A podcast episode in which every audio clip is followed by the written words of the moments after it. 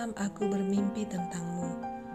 Mimpi yang sedikit aneh karena rasanya aku sudah lama tak pernah mengingatmu lagi.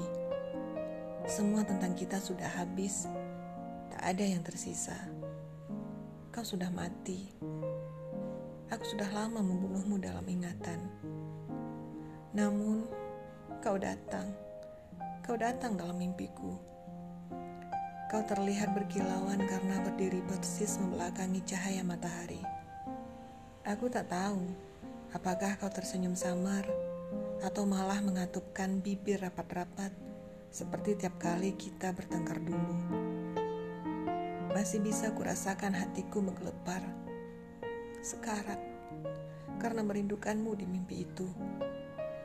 Lalu Cahaya matahari memudar, menyisakan sosokmu yang berjalan mendekat dan tersenyum ke arahku. Kau tersenyum. Aku lupa kapan terakhir kali melihatmu tersenyum seperti itu. Sejenis senyum yang langka yang menghiasi wajahmu. Kalau tak salah ingat, hanya dua kali aku melihatmu tersenyum seperti itu.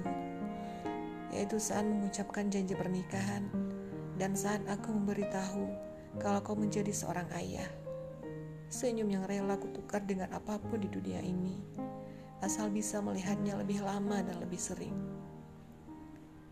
Hello Meg, suaramu begitu membius dan membuatku nyaris lumpuh.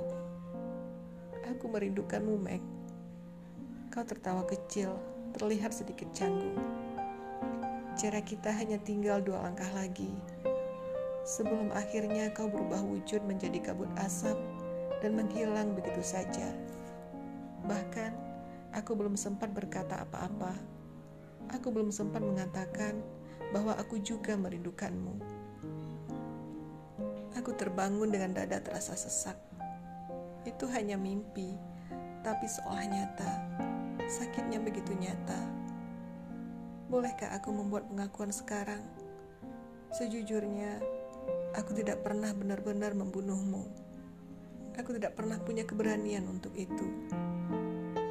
Ah, bukan. Sebenarnya aku ingin kau tetap hidup selamanya. Ben, apa kabarmu sekarang? thank you